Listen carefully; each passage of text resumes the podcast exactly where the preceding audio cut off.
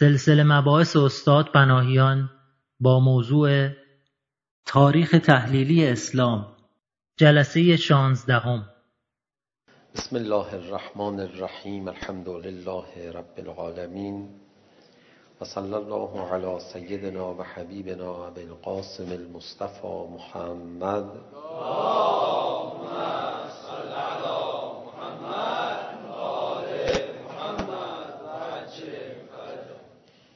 وآله الطيبين الطاهرين المعصومين سيما الحجة بقية الله الأعظم روحي وأرواح العالمين له الفداء اللعن الدائم على أعدائهم أجمعين إلى قيام يوم الدين رب اشرح لي صدري ويسر لي أمري واحلل عقدة من لساني يفقه قولي جلسه قبل وارد بحثی شدیم که البته برخی از مقدمات یا نکات پیرامونی این بحث رو در جلسات قبلتر هم بهش پرداخته بودیم.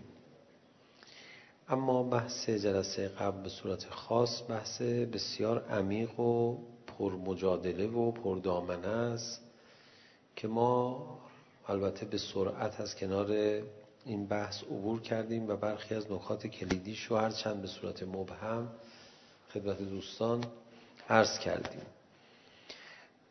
من یه یادآوری میکنم موضوع بحث و بعد حدیث شریفی از امام صادق علیه السلام رو مستقیما درباره چنین موضوعی خدمت شما تقدیم کنم و بعد برخی از این توضیحات لازم رو بهش بپردازیم. ما گفتیم یکی از مسائل زمان ما که مشابه مسائل دوران دعوت پیامبر گرامی اسلام هست و ما میتونیم با الهام گرفتن از اتفاقهایی که در دوران دعوت میافتاد وضعیت زمانه خودمون رو بهتر تحلیل بکنیم. مسئله یا موضوع نحوه ایمان آوردن مؤمنان است. و همچنین طبیعتا نحوه ایمان نیاوردن ملحدان چجوری ایمان می آوردن به پیغمبر اکرم پیامبر گرامی اسلام چی می گفتن به مردم چی نشون می دادن چه حقیقتی رو برای مردم توضیح می دادن آیا اینقدر که ما تو زمانه خودمون بحث می کنیم اینقدر بحث اتفاق می افتاد جلسه قبل دیدیم که پیامبر گرامی اسلام غالبا برای اونها قرآن تلاوت میکردن و بنده تصور میکنم این روش کماکان روشی است که میتونه الهام بخش باشه برای ما و میتونه ما رو دستمون رو بگیره. یه کمی در مورد تلاوت توضیح بدم. اولا اینکه بنده دارم عرض میکنم غالبا پیامبر گرامی اسلام تلاوت آیات میکردن با همین افراد مؤمن میشدن این هم قضاوت اهل تاریخ اونایی که در تاریخ اسلام قور کردن همین رو تصریح میکنن و یه حرف نادر و یا عجیب و غریب در بحث تاریخی نیست. هم تصریح قرآن کریم هست که میفرماید یتلو علیهم آیاته و یزکیهم و یعلمهم الکتاب و الحکمه تعلیم میفته مرتبه سوم یتلو علیهم آیاته تلاوت میکرد تلاوت میکند این اولین بخش رسالت پیامبران گرامی اسلام است و اساسا پیامبران الهی به ویژه پیغمبر گرامی اسلام تلاوت آیه اول میشه بعد تزکیه میشه بعد تعلیم کتاب میشه.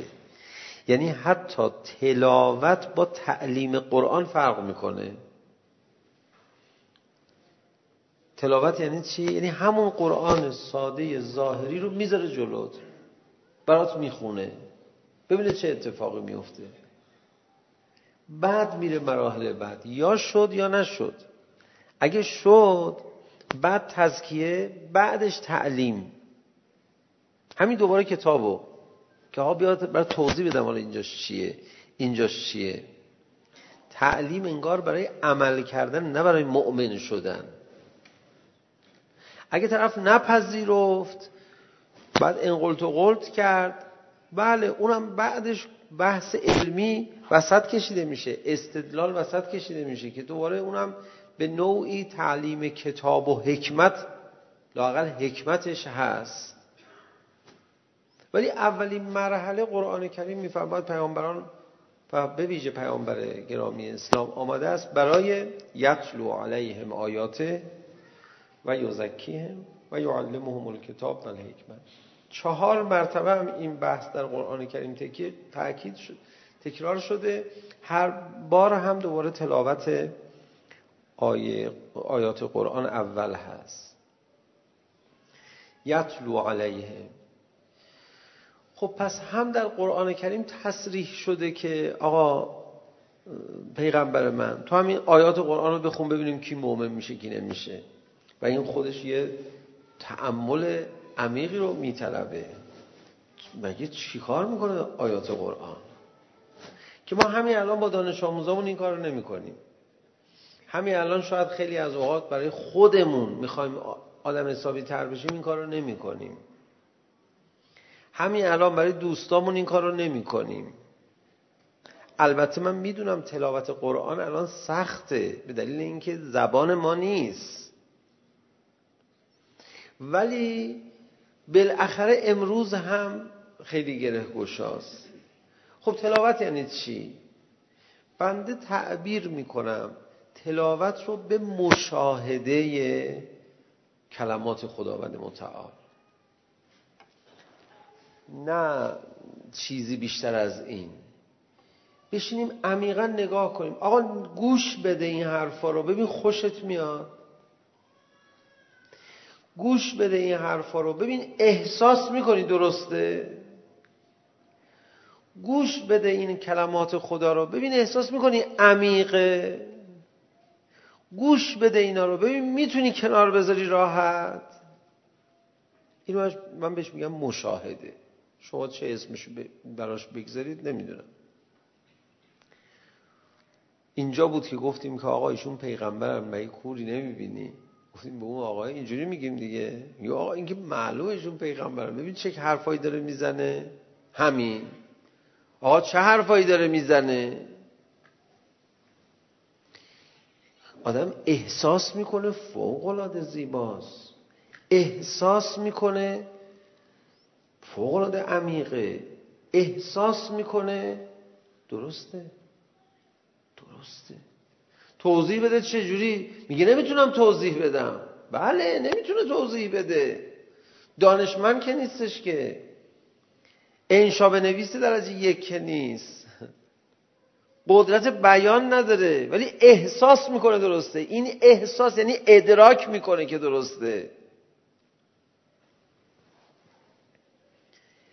بابا آدم میفهمه درسته. حتما کسی که میفهمه لازم نیست بتونه بگه.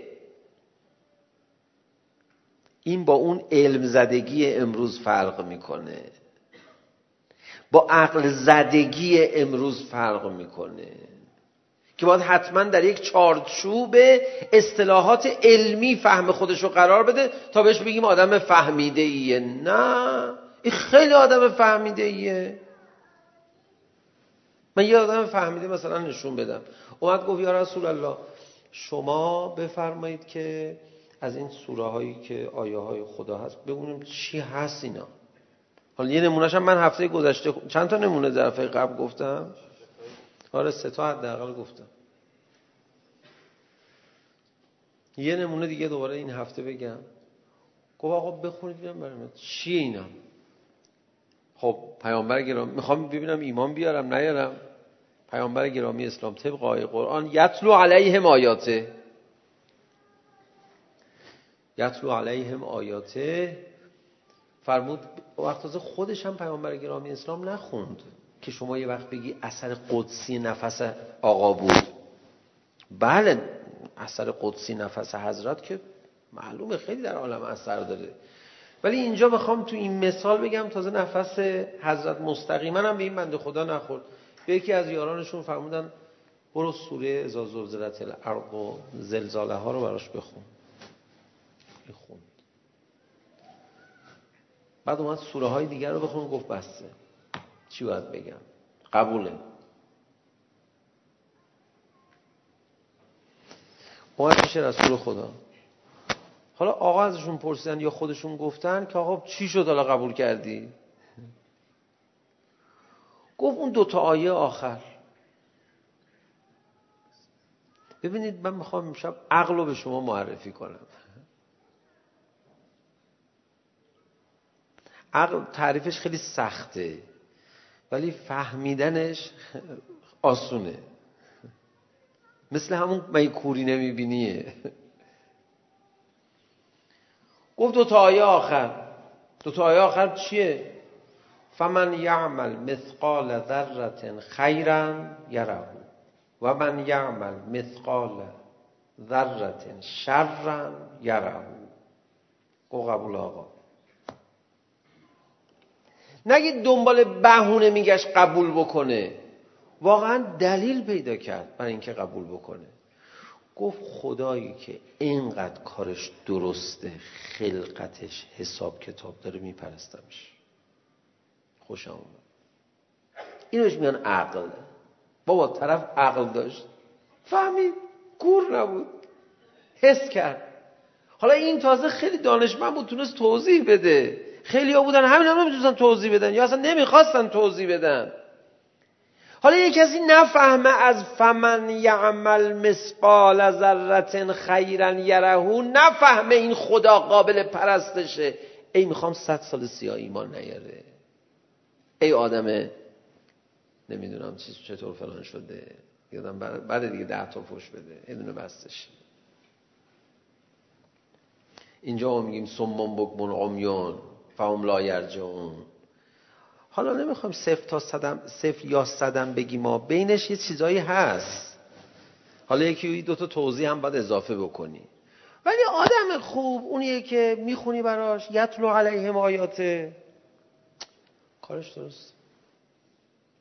چرا؟ توضیح بده. آقا نمیتونه توضیح بده. عجیبا. ولی فهمید. فهمید. ما میگیم حس کرد.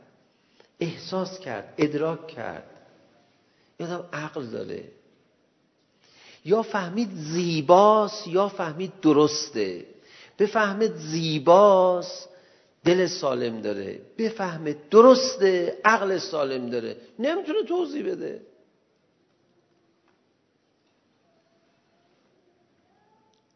فالهمها فجورها و تقواها. خدا به نفس انسان الهام کرده. بدی و خوبیشو این از این الهام از این قدرت درونیش استفاده کرد ایمان آورد اکثرا همینجوری ایمان می آوردن فکر نکنید پیامبر گرامی اسلام می رفتن می گفتن خب اول من یه دوره بحث معرفت شناسی بهت بگم اصلا انسان چگونه میفهمد من حالا نمیگم این حرفا امروز به درد نمیخوره چرا به درد یه عده‌ای میخوره یه عده کم یه عده صد جور از این بحثا بکنی ایمان نمیارن. یه عده بدون این جور بحثا ایمان میارن. همونی که ایمان نمیاره درست ایمان نیاورده. فکر نکن اگه بری بحث معرفت شناسی بکنیم تسلیم میشه حالا ایمان میاره. نه اون اون فهمیده این چه خبره نمیاد. 100 تا دلیل بیاری میره 600 تا ضد دلیل میتراشه برات میاره. چرا پیامبر گرامی اسلام زود به جنگ رسید؟ در از 23 سال کلش 23 سال بود و الا شما بدونید دیگه 10 سال فعالیت کرد جنگ 10 سال جنگ ما الان چند سال از انقلابمون گذشته هنوز نشستیم داریم چونه میزنیم ببین ببین حالا بذار من به شما توضیح بدم ببین ای خدا امام زمان ما را برسان ای خدا قریب اسلام پیغمبر اسلام فداش بشم دیدی ده سال توضیح داد اونم به همین روش مگه کوری نمیبینی بیا من یه آیه قرآن برات بخونم نفهمیدی میخوام صد سال زیاده بفهمی برو تحمل کرد بعدش هم جنگید خب بی خود میکنید قبول نمیکنید تو حتما مریضی که قبول نمیکنین حالا ما ما که دیگه خیلی اصلا اوضاعمون همون دعایی که کردم اسلام قدرت پیدا بکنه امر پیدا بشه اصلا اینقدر علافی نداره. آقا مردم چجوری ایمان می آوردن در معرض حرف حق قرار می گرفتن هفته قبل یه چیز دیگه هم اضافه کردیم. در معرض خود پیغمبر اسلام قرار می گرفتن مثالش هم زدم براتون دیگه. فرمودن من تا حالا دروغ گفتم. گفتن نه. فرمود من اگه بگم الان بیرون دشمن است قبول میکنید گفتن هم میگم قیامت هست. من میگم پیغمبرم. یعنی من کوری نمیبینی. آقا من پیغمبرم دیگه. تو من انکار کنی؟ من تا حالا دروغ نگفتم. درسته؟ این دلیل حق صداقت من میشه. و بعد من الان دارم به شما میگم من پیغمبرم. به چه دلیل من پیغمبرم؟ برای اینکه من دارم میگم. کسی که دریافت کرده باشه فهم کرده باشه شخصیت پیغمبر رو میگه خب قبول دیگه. به ابو جهل گفتن. گفتن تو قبول داری ایشون راست میگه؟ گفت خب ایشون که دروغ نمیگه. گفتم چند جلسه پیش بود کی بود. گفت او که دروغ نمیگه. اون معلوم راست میگه. ولی ما نمیتونیم تحمل کنیم. ابو جهل هم اینو فهمیده بود. Hacım دروغ نمیگه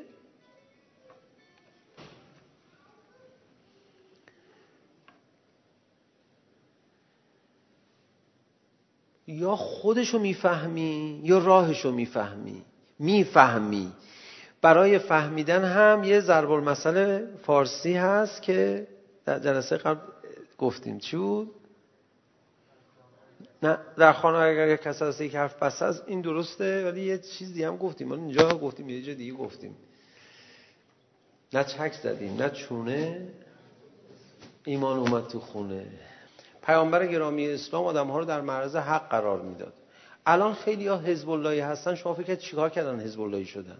چقدر زجر کشیدن؟ میفهمه حق دیگه. میفهمه. فهمش هم به این نیست که حتما بتونه انشا بنویسه مقاله بنویسه. یا آقا رو میفهمه حقه امام رو میفهمه حقه یا راهش رو میفهمه حقه چهار تا رو میشنوه میگه آقا حقه این سرعت فهم رو خدا به هر آدم سالمی میده. اینو انتظار داشته باشیم. آقا بدونیم کسی که میره از دارو خونه دارو میگیره مریضه نسخه براش میچیدن. ولی آدم سالم با غذای معمولی که میخوره زندگی میکنه. آدم سالم نیاز به کتاب خونه ای که بره از توش کتاب استدلالی در بیاره. برای مؤمن شدن نیاز ندارد. آدم سالم تو هوا میفهمه. میگه خب این معلوم حقه. خیلی حساب شده است.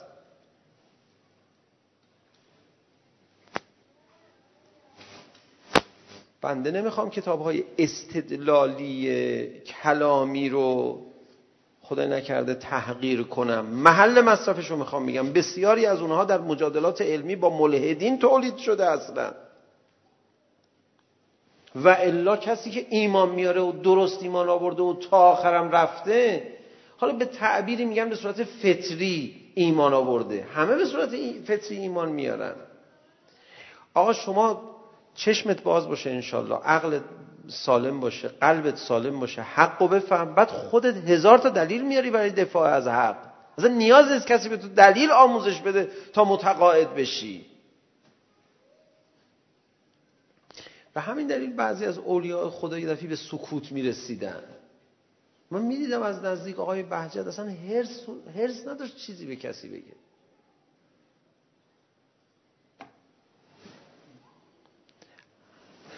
اومدن به ایشون گفتن که آقا این داستان کنفرانس برلین بود. یه داستانی بود دوران اصلاحاتی کسی تو اون کنفرانس برهنه شد و حتی کی کرد و تو جلسه ضد انقلاب بازی در آوردن و بعضی از اصلاح طلبها هم تو اون جلسه بودن. تلویزیون یه تیکه فیلمش رو پخش کرد و خیلی باعث آبروریزی اون گروه شد و با شما با کیا میپرید و اینها. طلبه ها رفتن مرحوم ضابط خدمت ایشون ظاهرا حالا اینجوری که که خدمت ایشون رسیدن که آقا جون این یعنی خیلی ندارن افتضاح میکنن. شما بیا چیزی بگو. ایشون نمیخواست بگه.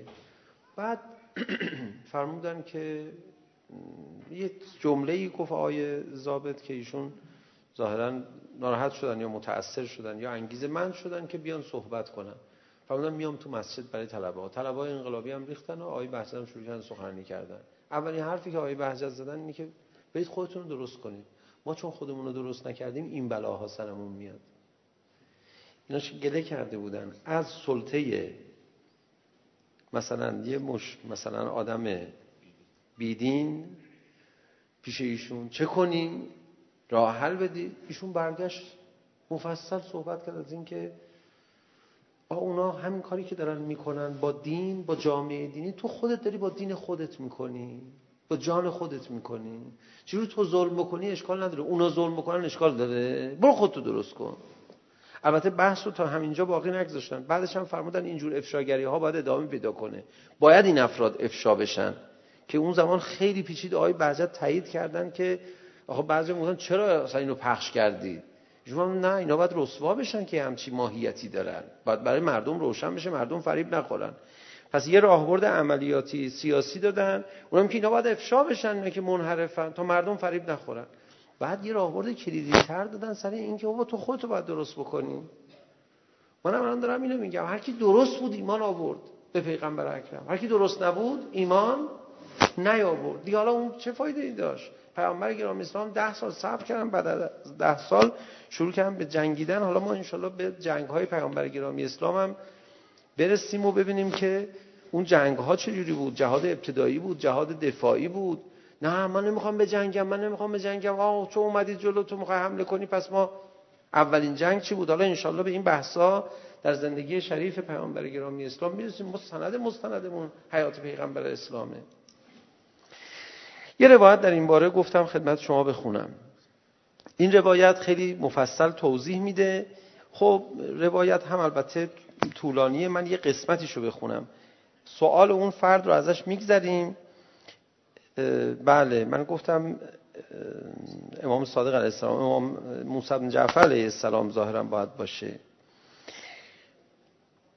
ان الله لما بعث موسی علیه السلام کان الغالب علی اسره سحر فرمود که حضرت موسی وقتی که مبعوث شد سحر و جادو اون زمان خیلی غلبه داشت لذا حضرت از چی استفاده کرد از مثلا اون وسیله‌ای که عصا اجدها بکنه و رود نیل باز بکنه یه چیزی آورد روی سحر اونا. چون اونا انگار راه فهمیدنشون این بود. حالا الان با هم بحث میکنیم انشالله انشالله یک حرفی انشالله بهتون بزنم. فرمود چی؟ ان الله بعث عیسی علیه السلام فی وقت قد ظهرت فیه الزمانات. وحتاج الناس الى الطب حضرت عیسی ابن مریم وقتی مبعوث شد که چی شد مردم خیلی گرفتار بودن خیلی بیمار بودن خیلی نیاز داشتن یکیشون مداوا کنه و حضرت می اومدن با یه دست میکشتن بیمارا شفا پیدا میکردن انگار راه اتمام حجت اینجوری بود حضرت عیسی ابن مریم اینجوری اتمام حجت کردن خب بعد پیامبر گرامی اسلام که مبعوث شدن تو چه زمانی بود تو زمانی بود که شعر و ادبیات خیلی در مکه چی شده بود؟ در واقع غلبه پیدا کرده بود. میدونید مثلا اینا وقتی که میرفتن منا آیات دیگر قرآن هست و داستانهای تاریخی. وقتی که می اومدن منا در واقع جشنواره یا فینال دیگه شعرخانی های اینها بود که در شعرهاشون مدح میکردن و خب شعر هم میدونید یه کلام پیچیده است. هوش خاصی میخواد. هم هنر میخواد هم هوش میخواد. دقت میخواد. اشاره هم هست سرشار از اشاره از شعر همون شعرهای دوران جاهلی رو ببینید شعر واقعا بعضی از شعرهای الان شعر نیست یعنی توش استعاره نیست توش کنایه نیست حالا نظم دیگه منظم کرده صرفا ولی توش پیچیدگی و مغلق بودن نداره خب خداوند متعال هم پیغمبر رو مبعوث کرد با کلام شما با کلمه آشنایید با کلام آشنایید خب ما هم حرف میزنیم با شما حالا این حرف نزد سر اون حرفا اینجوری. خب حالا من از این میخوام یه استفاده کنم بعد ادامه روایت رو برای شما بخونم. اونم اینه که راستی تو زمان ما چی خیلی مهمه؟ چی خیلی مهمه؟ من خواهش میکنم برید روش فکر کنید. بعد ببینید خدا در این زمان چیوری داره با ما اتمام حجت میکنه. وقت بعضی از احمقها یه دفعه رجعت میکنن به گذشته. خیلی پیچیده حرف زدم آره؟ آخه بیشتر از این چون گفتم احمق ها دیگه نمیتونم روشن کنم. ببینید عزیز من. چیکار کنم؟ اسیر میشه دیگه. آدم یه کلمه نگفته باشه آزاده. بگه اسیر میشه. الان چیا عامل اصلی تأثیر گذار در حیات انسانه؟ چیا هست که توجه انسان ها رو جلب میکنه؟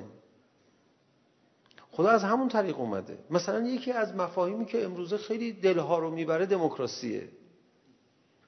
کدوم احمقیه که نفهمه دموکراسی که تو ایران هست صادقانه تر از دموکراسی است که تو آمریکاست این اتمام حجت نمیکنه که این راه حقه؟ الان ظلم استکبار جهانی امر واضحی نیست؟ کی تنها عاملی که مقابل ظلم استکبار جهانی ایستاده کیه؟ موفقم بوده تو ایستادگیش. دشمنان مرام ما وقتی دارن توهین میکنن به جمهوری اسلامی وسطش برمیگردن میگن البته اونها ایستادگیشون مقابل آمریکا حرف نداره. ولی باید سرشون رو ببری. اونا وسطش دارن اعتراف میکنن. خیلی دلائل متناسب با زمان ما برای اتمام حجت هست. خود توضیح نمیخواد اصلا. هر کی نگرفته خب این کور نمیبینه. نمیخواد ببینه. نمیخواد ببینه. الان تمام کسانی که ضد انقلاب بازی در میخوان بیارن تغذیه فکری میشن از بی بی سی و وی او و اینا. خب کدوم اینا نمیدونن که اون دروغگوه؟ کدومشون نمیدونن اونا صفاک و خوناشامن کدومشون نمیفهمن که این فضای آزاد خبر و اطلاع رسانی نیست؟ کدومشون نمیدونن؟ والله بالله تعالی همشون میدونن. خب کسی بیماره با چیکارش کنی؟ از این طرف بیا. این مذهبی هایی که ضد انقلاب میشن کدومشونن که نمیفهمن که انقلاب اسلامی همین حضرت امام و ایستادگی همین حضرت آقا دین رو چقدر تو جهان احیا کرده؟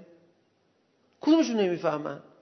بعد دینداری میکنن نمازخونی میکنن برای امام حسین پاش بیفته قمم میزنن بعد فوش به نظام میدن. ببین امام حسین تو جهان کی علمش رو به پا کرد؟ تو رفتی تو دستش داری شرکت میکنی؟ کدومشون نمیفهمن؟ به اقتضای هر گرایشی خدا اتمام حجت میکنه. به اقتضای هر موضوع مورد توجهی خدا اتمام حجت میکنه. و من الان دارم میبینم خداوند متعال شلوغش کرده در اتمام حجت. و این وضعیت خطرناکی رو داره پیش میاره. اون وضعیتیه که پیامبر گرام اسلام تو جنگ بدر برای کفار پیش آورد.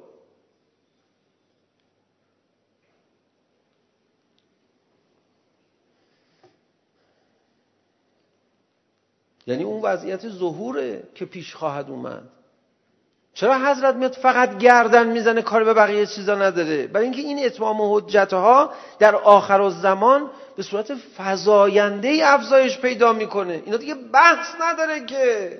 صحبت نداره که.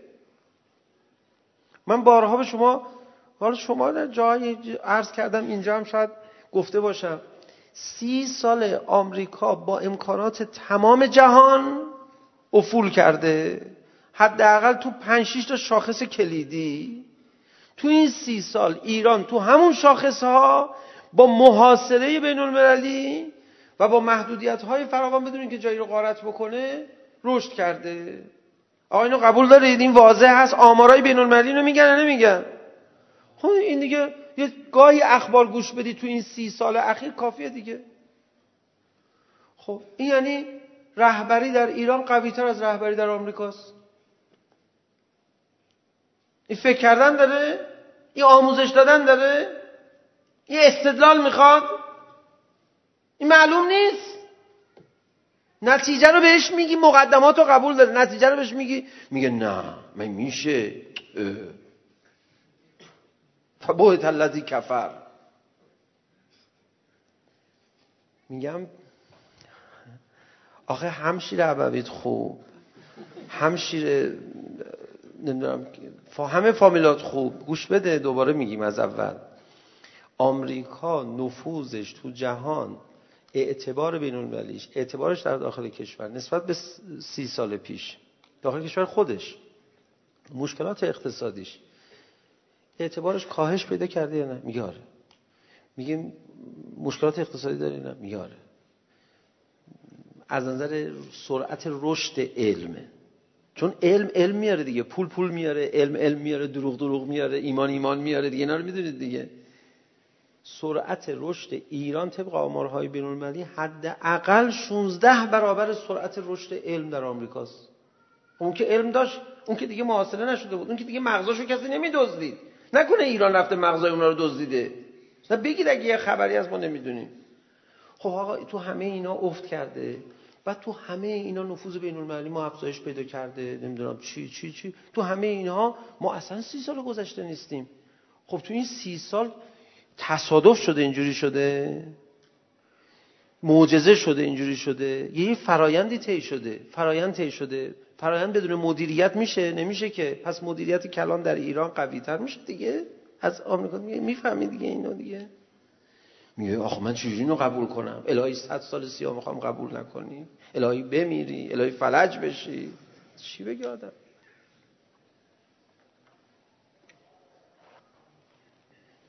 اینا بحث داره. من میخوام شما تو این زمان ببینید ببین قصه تاریخی نیست. رسول خدا رو در اوج صداقت میدیدن. نمیرفت زیر بار. نتیجه شو قبول نمیکرد. میگو خب اون که دروغ نمیگه که. ولی من نمیتونم قبول کنم. خب این دیگه دروغ نمیگه که. خب پیغمبر دیگه. خب قبول کن بکنی دیگه. تو آدم مذهبی هستی. شما تو شهر مذهبی دارید زندگی میکنید. شما خودتون رو خدام خانه کعبه میدونید. اینجوری بودن روزای اول ما بحث کردیم در مورد تاریخ. مکه مذهبی ترین شهر باید حساب بیاد سپاه ابرهه برای همین حمله کرد که میخواست این بزنه دیگه از بس اینجا جای مقدسی بود دلار متوجه کرده بود بابا تو مذهبی نه ولی لا مذهب بازی در بیارین پیغمبر رو قبول کنی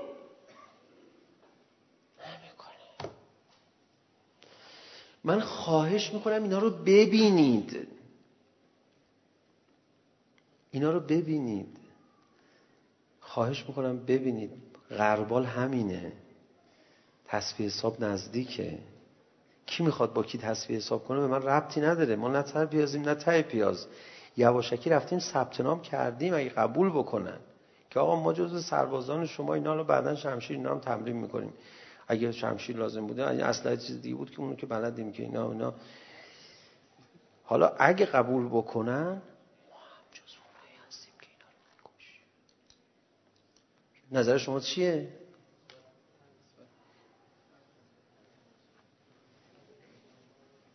چقدر؟ چقدر باید تحمل کرد؟ نفهمی رو چقدر باید تحمل کرد؟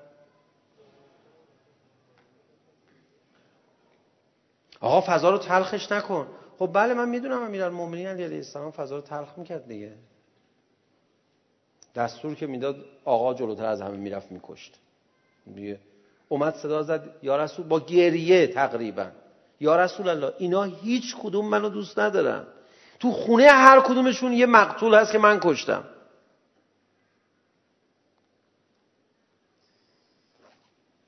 امیر المومنین علی علیه السلام می اومد جلوشون یفی صحبتشون قطع میکردن.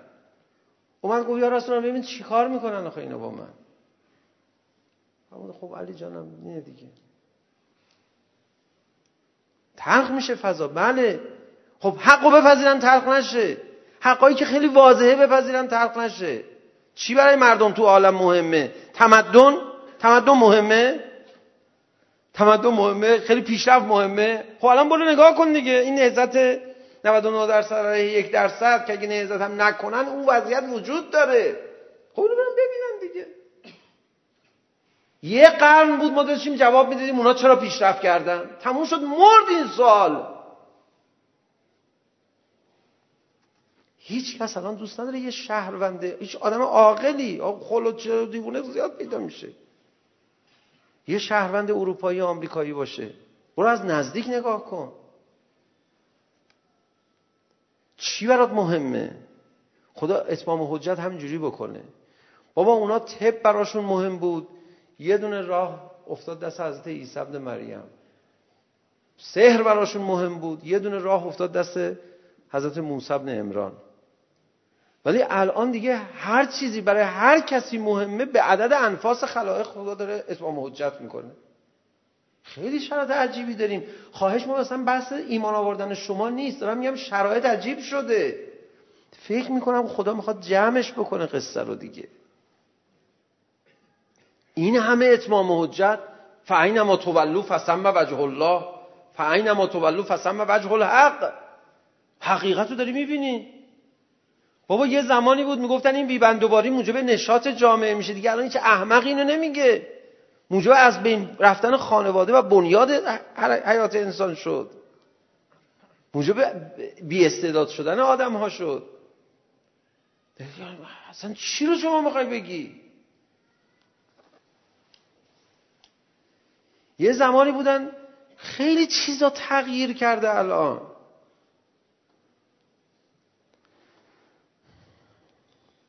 بعد این کسی که داشت از حضرت سوال میکرد پرسید که خب الان که الان حجت چیه؟ الان. الان حجت چیه؟ من شما رو به امامت مثلا قبول کنم.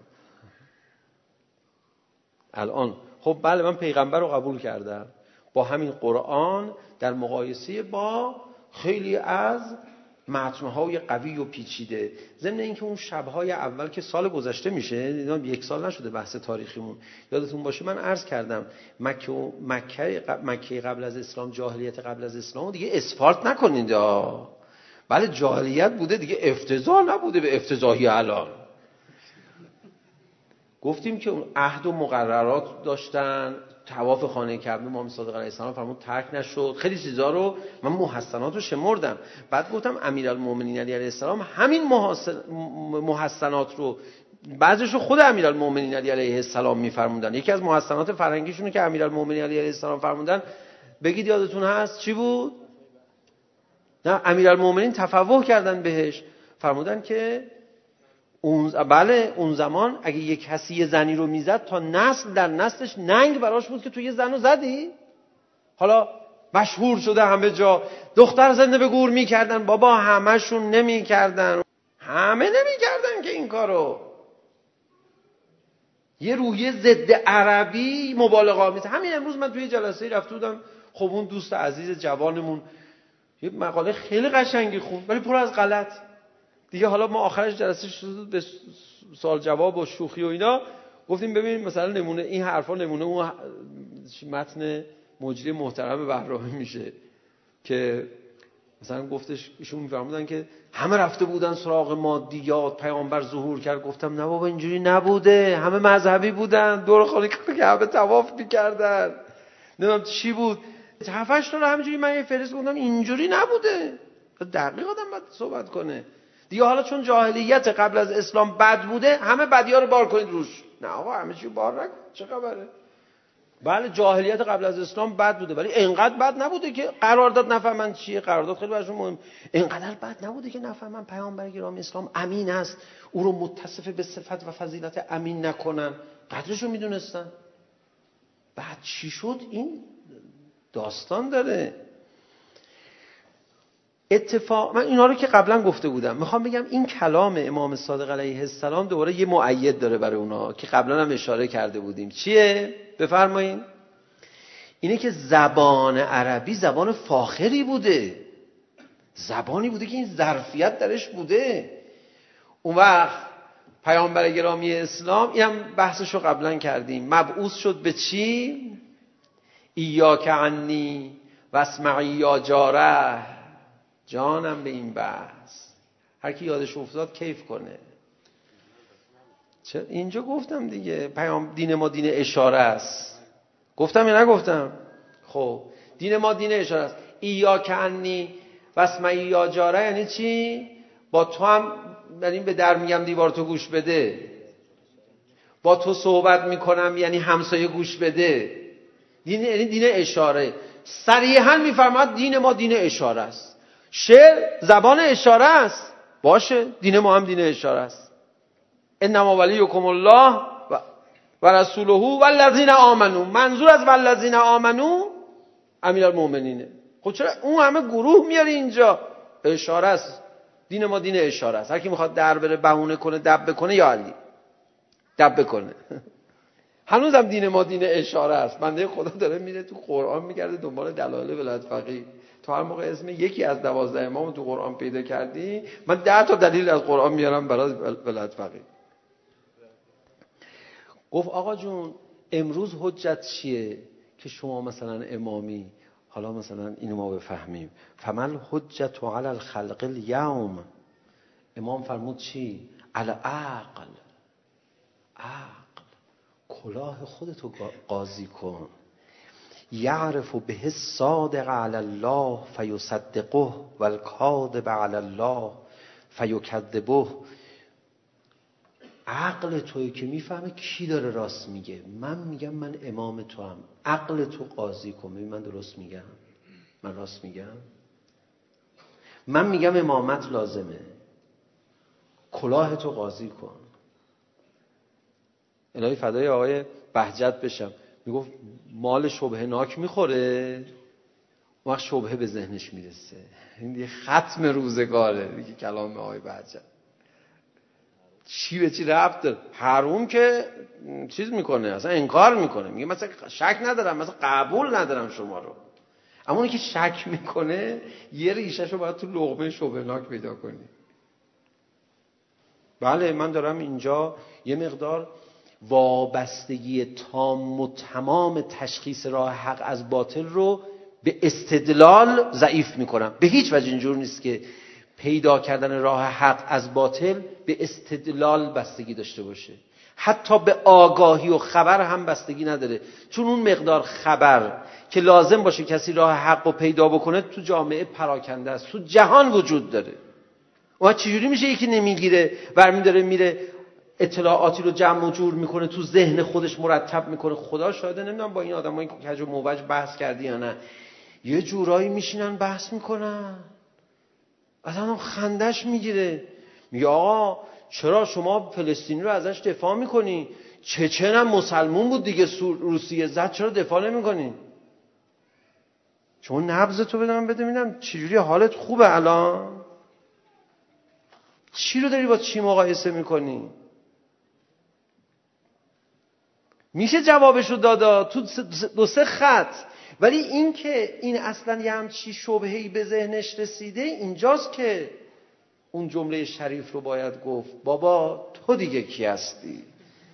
اصلا ذهن تو رو باید اصلا اینو به قطع برسونن. این مغزش نه قطع برسونن منتظر باشن. از دنیا بره بعد این مغزش رو برن تو موزه ببینن این چجوری کار میکرده. آب سربالایی میره من میخوام میگم پذیرش حق آسونه. آقا لوازم حرف خودتو خبر داری یا نه؟ نه دیگه. حالا چی میخوای بگی از لوازم حرف من؟ من لوازم حرف خودمو خبر دارم. میخوام دعا کنم جلسه تموم بشه. نه آقا لوازم حرف خودتو بفهم داری چی میگی؟ چیه؟ یکی از لوازمشو گفتم دیگه. داره دوران اتمام و حجت. اتمام پیدا میکنه. بعد از اتمام و حجت پای رکاب حضرت میریم که داشته باشیم. نیمه دوم بازی. دیگه اونجا بازی نیست. خیلی جدیه. یکی از لوازم حرف ماست. نه یکی دیگه از لوازم حرف شما اینه که هر کی حق حق رو نپذیره تحقیر میشه. توهین میشه. بله که باید بشه. بله که باید تحقیر بشه. لوس بازی چرا آدم در بیاره؟ کسی که حق به این آشکاری رو نمیبینه زیر پاش میگذاره این آدم نباید توهین بشه. الله یستهزئ بهم و یمدهم فی طغیانهم. آقا نگو کفرش در میاد. اتفاقا یکی از روشهای جداسازی حق از باطل اینه که کفر باطل رو در بیاری. کاری که امیرالمومنین علی علیه السلام کرد در نامه با معاویه. برگرد برداشت نامه نوشت.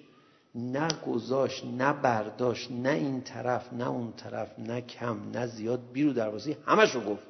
فرمود معاویه تو از بنی امیه هستی من از بنی هاشم. تو داری به من حسادت میکنی. برای چی؟ برای اینکه یه خانم تو عالم سیده نساء عالمین اون فاطمه زهرا از بنی هاشمه. دو تا پسر جوان هستن سیده شباب اهل الجنه هستن. اون دو تا از بنی هاشم پسرای منن. یک شهید دست از بدن جدا شده رو جعفر تیار نامید. اون جعفر بلا دست قطع شده زیاد بود شهید بود. چرا همه تیار نشدن؟ او از بنی هاشم بود. یک شهید هفتاد بر بار بر بدنش الله اکبر گفت. پیامبر گرامی اون حمزه صدوق شده از بنی هاشم بود. شروع کرد تعریف. آقا کفر اون فرمود تو حسادت میکنی. خب آقا حسادت میکنی. نگو اینا رو بدتر میشه. دیگه خواهش من شما دیگه به امیرالمومنین هم نصیحت نکنید. حالا ما گفتید چی نگفتیم؟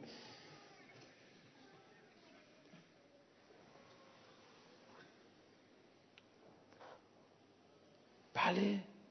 امیر المؤمنی علی علیه السلام فرمود اگر توهین باطل در جامعه بود مردم مبتلای به چنین وضعیتی نمی شدن توهین باطل توهین معناش فوش نیستا ولی نشون بده آقا این کار زشتیه این حماقته.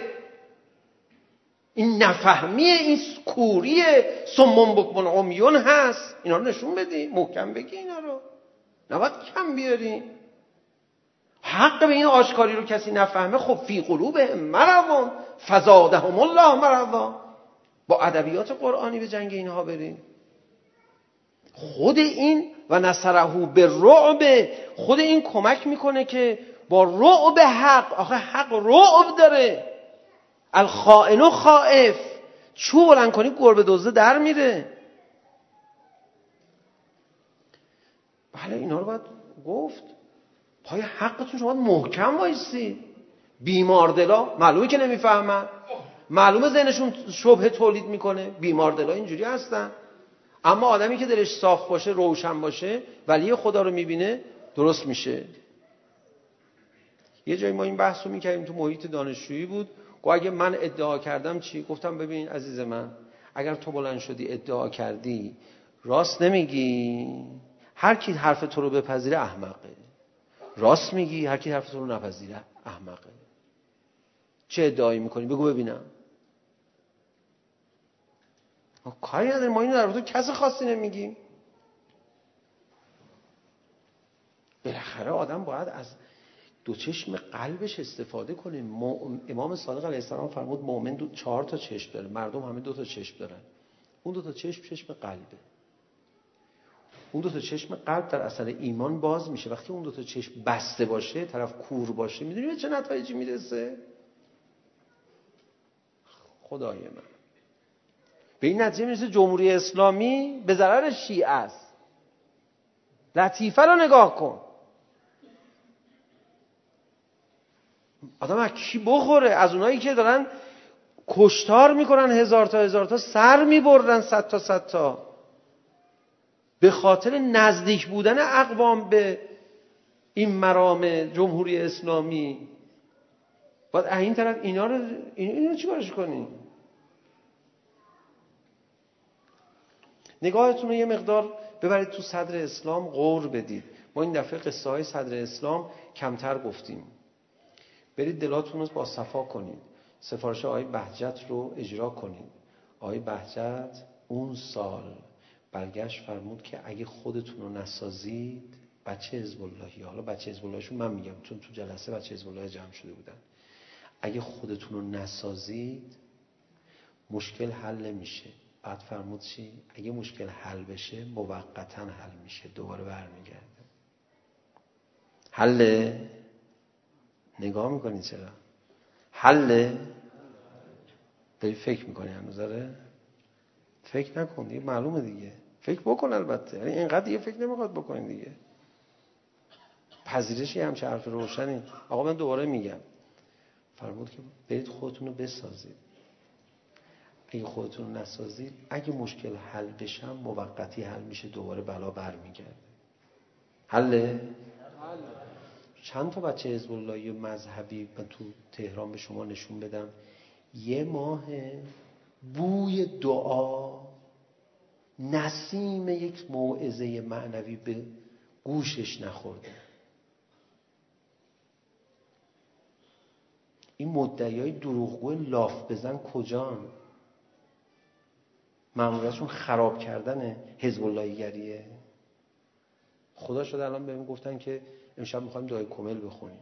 خب از قلبم خوشحال شده. ولی شماها خوشحال شدم من که خودم آدم نمیشم دیگه. ولی پر مدعا. همه چیدان خودش رو تصور میکنه. اگه نمازم دیگه حالا میخونه دیگه حالا دیگه نماز میخونه حتما میخونه دیگه. دوزار فهم و شعور. تو پای منبر تا حالا ننشسته. حالا نه اینکه منبر بند خدای نکرده نعوذ بالله. آقا من شهادت میشم میشه خدا این آقایونم از باب گرفتاری از باب اینکه زجر بیشتری بکشن اجر بیشتری ببرن من در رو تحمل میکنم. این منبر آدم حسابی اصلا نمیره. اصلا اهل حرفا نیست. تو دین و ایمان و حزب اللهی بودنش میتونی قبول بکنی؟ و تو کجا آدم میشی؟ تو خیلی بشی جوجه اون امامی هستی. خیلی بشی جوجه اون امامی هستی که ماه رمضان از قم میکوبید میومد تهران. پای منبرهای عمومی آی شاه آبادی می نشست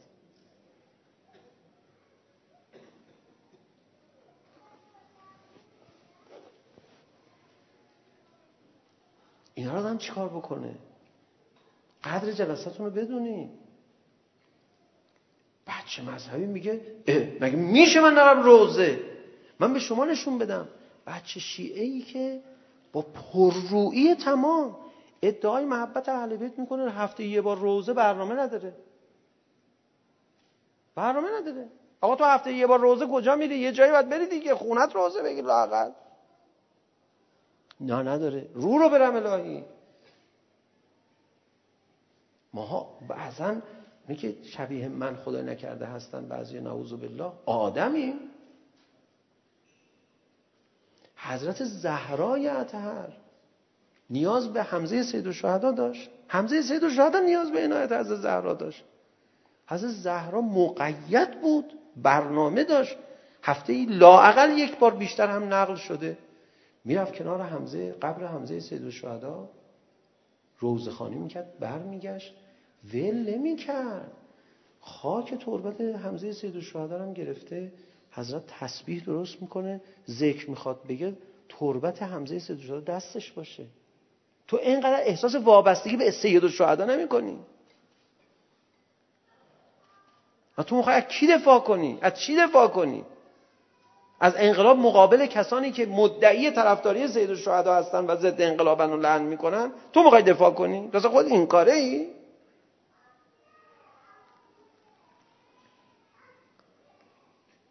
بچه مذهبی که امیر المومنین فرمود هفته یه بار باید وقت بگذاره معارف دینیش برای معارف دینیش اصلا اینجوری نیست هفته یک بار معرفت دینی رو کسب بکنه تذکر بشنوه ارتعو فی ریاض الجنه پیامبر گرامی اسلام فرمود برید تو باغهای بهشت بگه اهل باغ نیست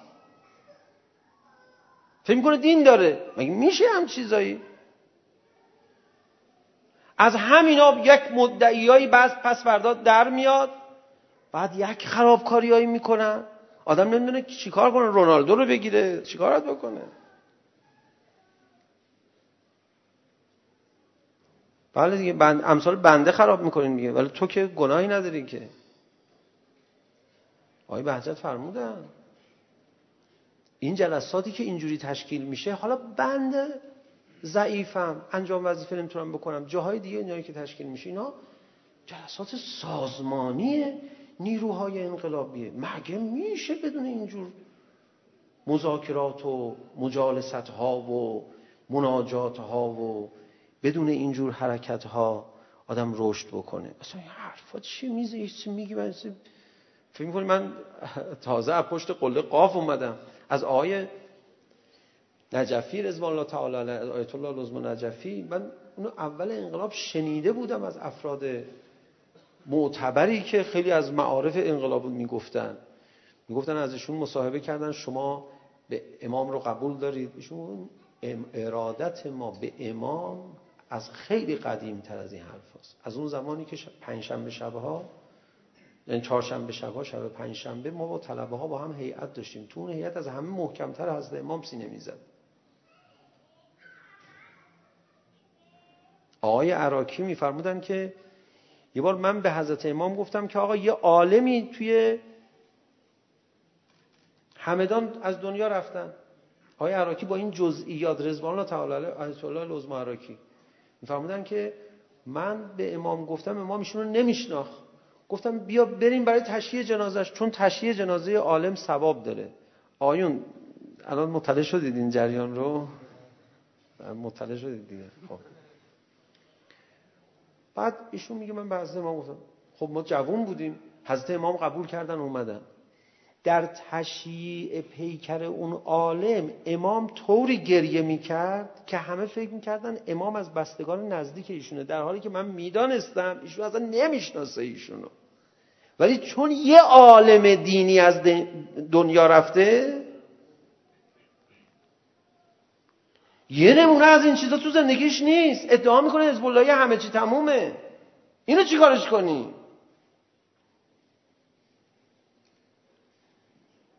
کار میبره زحمت داره شما این زحمت ها رو بکشید این کار رو انجام بدید دست همسال بندرم بگیری